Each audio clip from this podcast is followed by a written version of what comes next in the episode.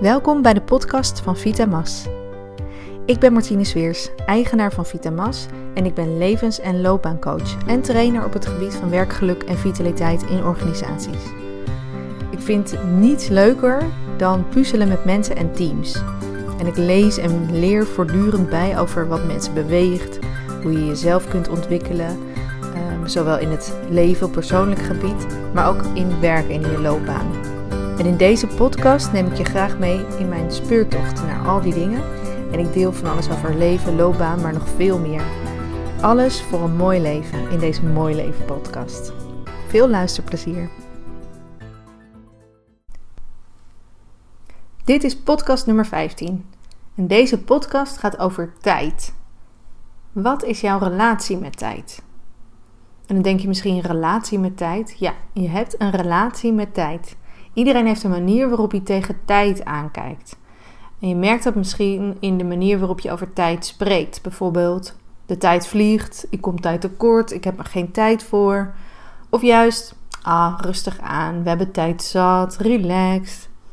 Wat is de manier waarop jij over tijd spreekt? Daaraan kan je zien hoe je met tijd omgaat en hoe je tijd ervaart. Nou, de meeste volwassenen zullen herkennen dat de tijd sneller gaat dan toen je klein was. Je kijkt als volwassene gewoon meer uh, terug, meer naar vroeger en meer ook naar de toekomst. En je doorziet veel meer dat tijd eindig is. Je hebt maar een x aantal dagen in je leven. Je weet natuurlijk niet precies hoeveel. Maar ergens komt er een einde aan. En dat weet je als volwassene veel meer dan dat een kind zich dat beseft. En eigenlijk zou het lekkerder zijn als we allemaal een beetje tijd kunnen blijven beschouwen zoals kinderen dat doen. Ze leven veel meer van dag tot dag en staan er helemaal niet zo heel erg bij stil. En je ziet wel dat kinderen, uh, naarmate ze iets ouder worden, ze heel goed doorhebben wanneer het um, zomervakantie is. En die lijkt altijd oneindig als je klein bent. Uh, op een gegeven moment gaan ze wel beseffen: oh ja, ik heb nog een week en dan moet ik weer naar school. Nou, dan zie je al dat dat tijdbeeld wat begint te veranderen. Ze krijgen wat meer overzicht over tijd. Maar als kind ben je gewoon veel meer makkelijker in het moment aan het leven.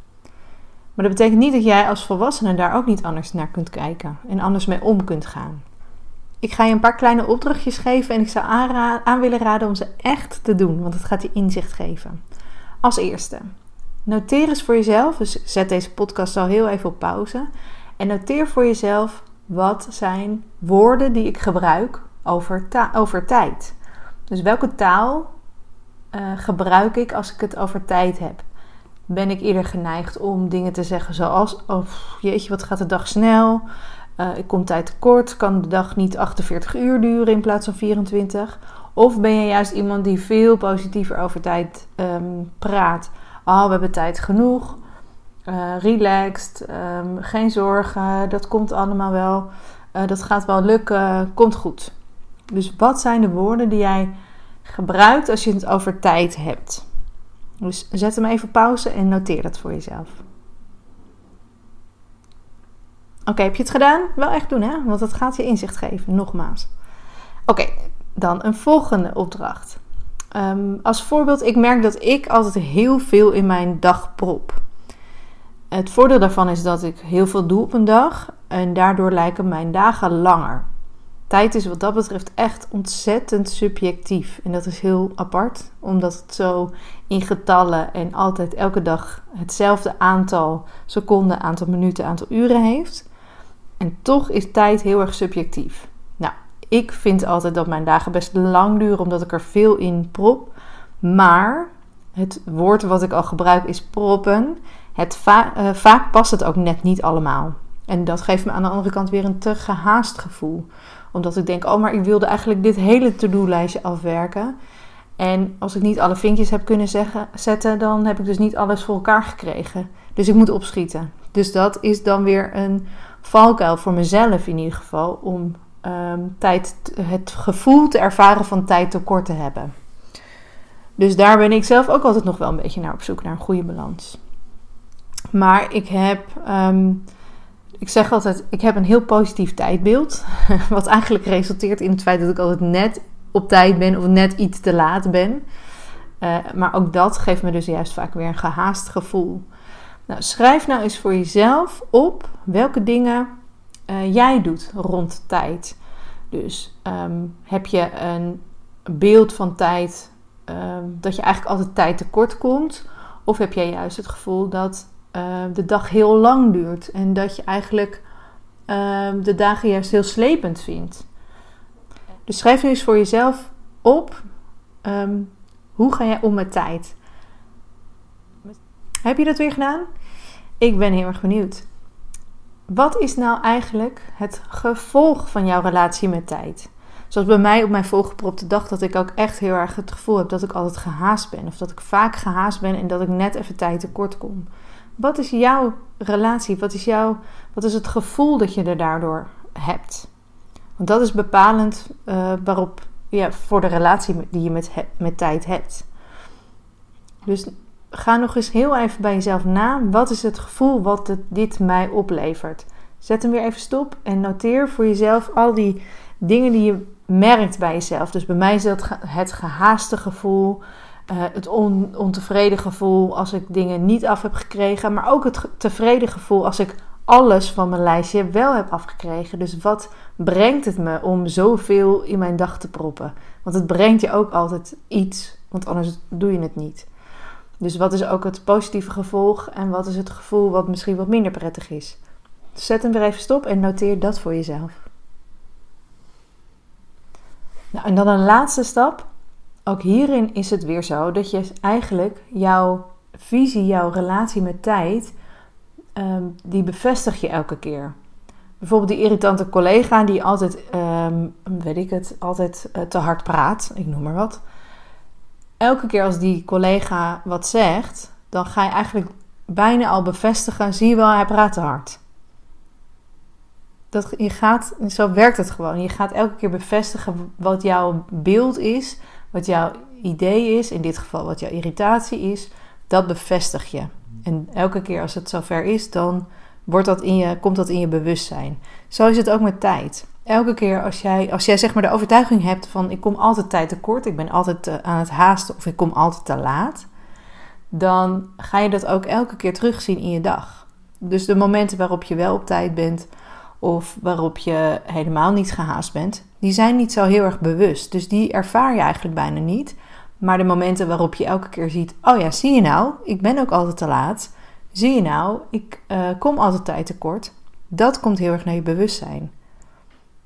Dus ga eens nog eens even kijken naar wat je hebt opgeschreven. Wat is jouw beeld van, van tijd en de relatie die je met tijd hebt? En kan je daar misschien een ander uh, iets tegenover zetten? Bijvoorbeeld als je het idee hebt, ik kom altijd te laat. Misschien kan je nu eens gaan kijken van, hé, hey, ik kom ook wel eens een keer op tijd. Welke momenten ben ik op tijd? Op die manier ga je veel alerter zijn op een andere manier waarop jij omgaat met tijd. En dat is grappig, want dan gaat het ook echt veranderen. En dan ervaar je dus ook meer andere momenten waarop je wel tijd genoeg hebt. Of andersom, waarop je inderdaad tijd, uh, tijd tekort komt. Maar dat wil je natuurlijk eigenlijk niet. Uh, tenminste, ik kan niet aanraden om uh, een enorm gehaast gevoel na te streven. Dus hou het heel erg naar het positieve. Wat gaat je helpen om en aan de ene kant wel alles te doen wat je graag zou willen doen. Maar aan de andere kant ook echt stil te staan bij wat kan er in een dag en hoe zorg ik dat ik zonder haast en wat relaxter met tijd om kan gaan. Want er is voor iedereen evenveel tijd. Maar hij is heel erg subjectief hoe je ermee omgaat. En daar kan je natuurlijk heel erg leuk mee spelen. Waardoor je een positiever tijdbeeld krijgt. Wat nog een ander interessant ding is met tijd, is als je iets moet doen wat je eigenlijk niet zo leuk vindt. Bijvoorbeeld ehm, naar de sportschool gaan. Als je eigenlijk niet heel erg gemotiveerd bent om te gaan sporten, dan merk je misschien dat je vaak zegt: Ja, ik heb geen tijd om te sporten. Maar ik nou, durf er mijn hand voor in het vuur te steken dat als jij het heel erg belangrijk vindt en je wil er echt voor gaan, dan maak je tijd. Niet waar? Dus eigenlijk, als jij praat over iets, daar heb ik geen tijd voor, dan kan je jezelf de vraag stellen: vind ik het eigenlijk belangrijk genoeg om er tijd voor te maken? En het kan ook zijn als je met vrienden afspreekt. Ja, sorry, ik heb geen tijd. Misschien ligt je prioriteit gewoon ergens anders op dat moment. Is net zo goed, hè? Dat is niet fout of slecht. Maar het is wel goed om je te beseffen: um, gaat het wel om tijd? Of kijk ik er gewoon op een andere manier tegenaan? Vind ik het gewoon misschien wat minder belangrijk? Dat is ook interessant. Al met al is je relatie met tijd dus wel interessant om te bekijken. Uh, enerzijds dus om te zien wat is mijn relatie met tijd en kan ik daar een positiever beeld van krijgen. En kan ik daar anders mee omgaan, waardoor ik in ieder geval af kan van het gevoel altijd gehaast te zijn, mocht dat voor jou het geval zijn. En anderzijds is het heel erg interessant wanneer zeg je dat je ergens geen tijd voor hebt, maar ligt het misschien niet zozeer aan de tijd, maar aan de prioriteit. Dus vind je het eigenlijk wel belangrijk genoeg? Nou, waarom is mindfulness nou zo heel erg in de mode? Dat is hè, het leven in het nu, bewustzijn van het moment, in het moment leven, al dat soort dingen zie je heel veel. Dat is natuurlijk omdat we eigenlijk um, ervaren dat we tijd tekort komen met z'n allen.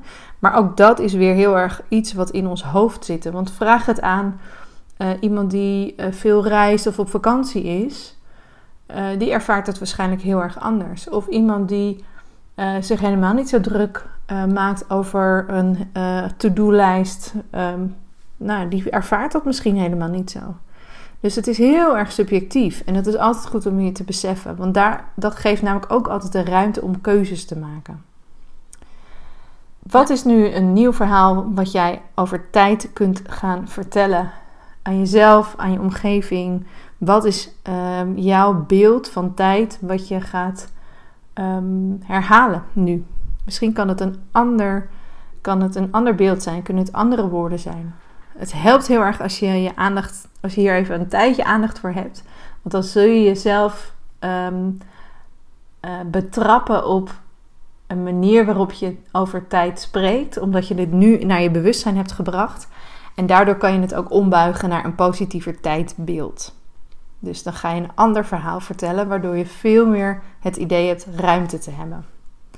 Nou, ik hoop dat je dit interessant vond. Ik heb onlangs trouwens ook een korte blog geschreven over waarom 24 uur tijdens je vakantie anders voelen dan 24 eh, uur op je werk. Of nou ja, niet 24 uur, maar gewoon de werkdag. Uh, zit een beetje in deze lijn, maar is ook al heel erg leuk om te lezen. Kan je vinden op de website. Daar staan nog veel meer blogs op, dus kijk vooral even op www.vitamas.nl. Tot de volgende keer!